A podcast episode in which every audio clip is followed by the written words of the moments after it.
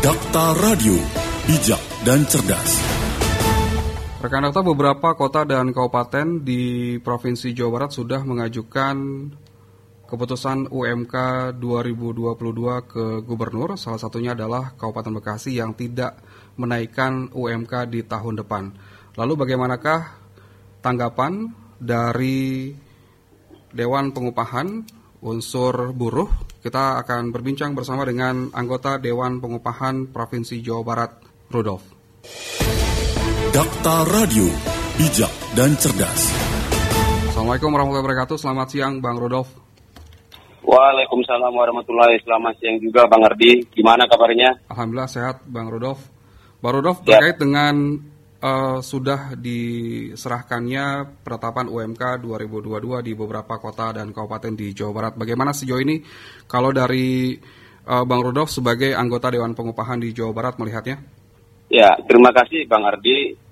Ya, yang pertama kami dari unsur Serikat Pekerja secara khusus dari SPMI ya sangat menyayangkan sikap pemerintah baik di kabupaten kota maupun di provinsi Jawa Barat Kenapa?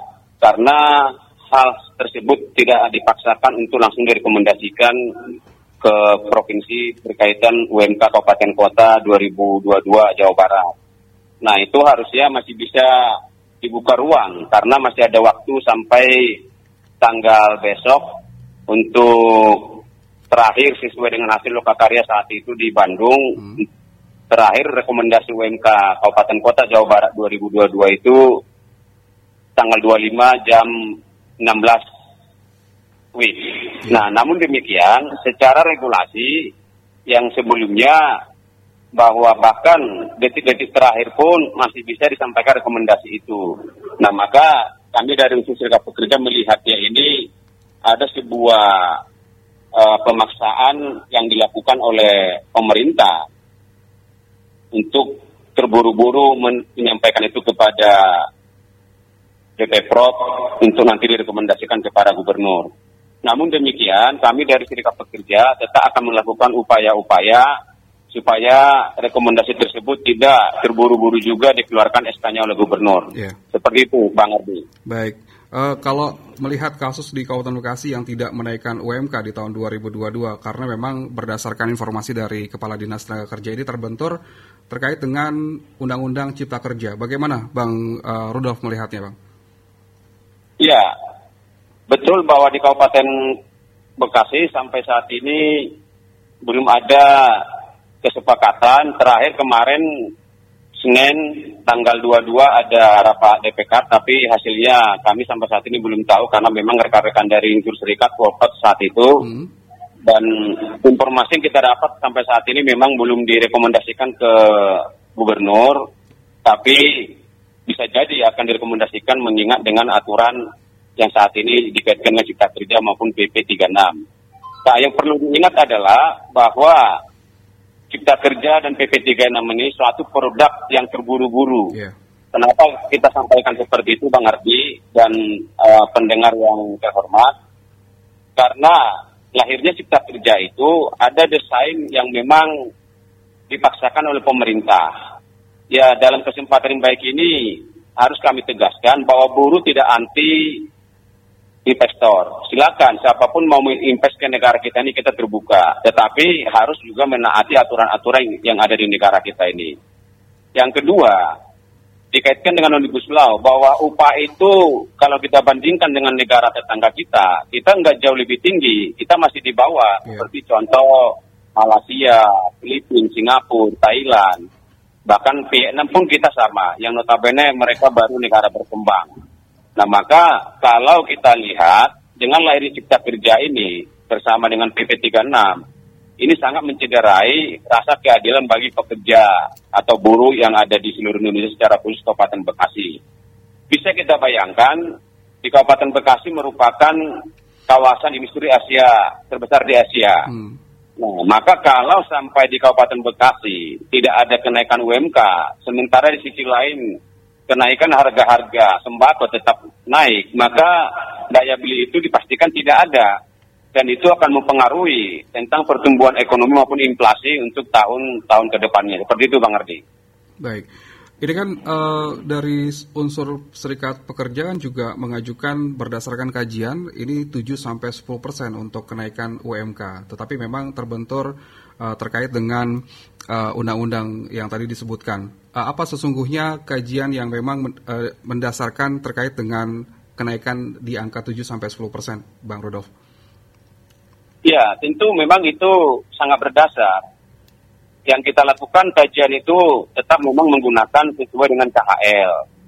Nah, walaupun yang sekarang ini ada sebuah formulasi yang dibuat oleh pemerintah melalui BPS, ada bahasa di sana itu konsumsi per kapita. Terus yang kedua jumlah per kapita, jumlah anggota per kapita. Yang ketiga jumlah pekerja dalam per kapita.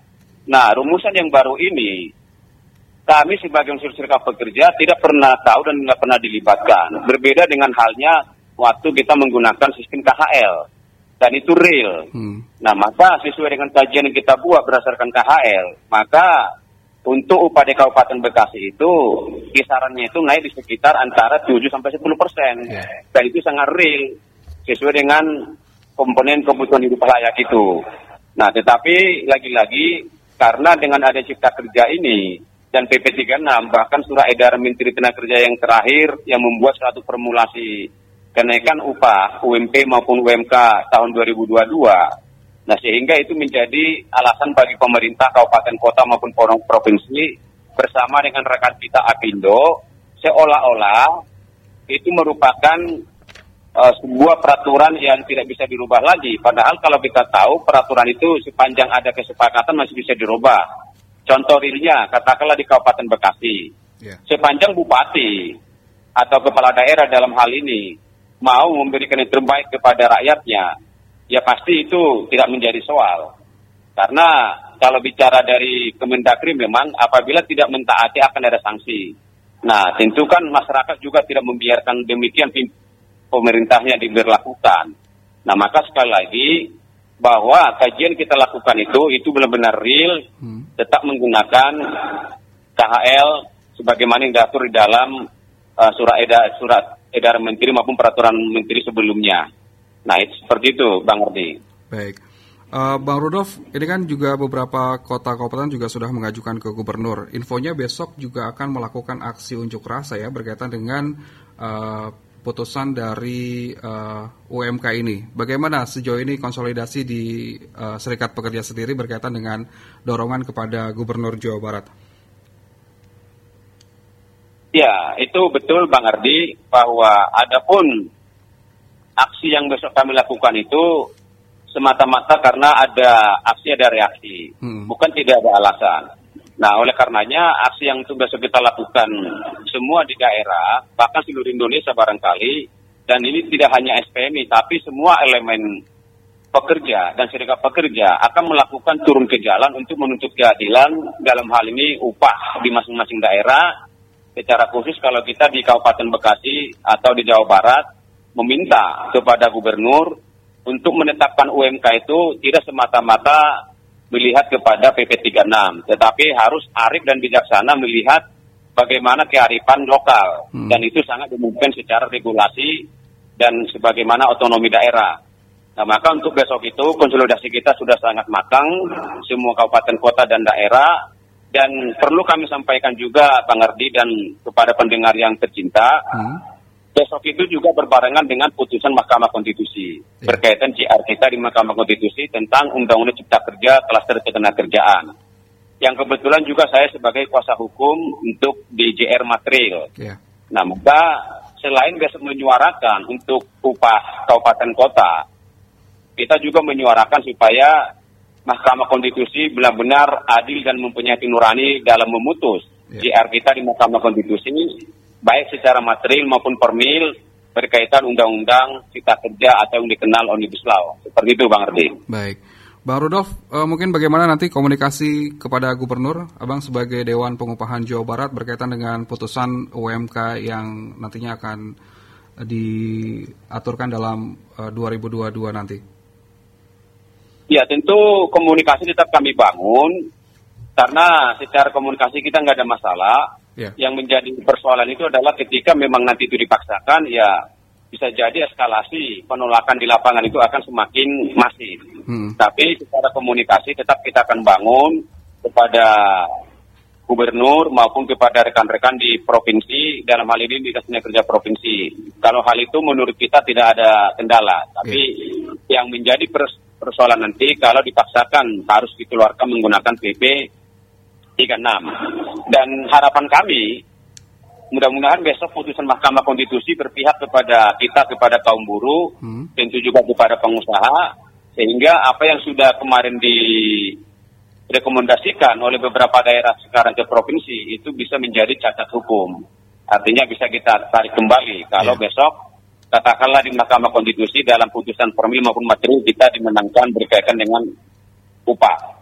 Seperti itu Bang Arti. Baik, ini terakhir untuk uh, pengesahan dari gubernur juga mungkin bisa kekejar Bang. Jikalau memang uh, proses eh, undang-undang yang di judicial review ini juga disahkan kalau dikabulkan maksudnya?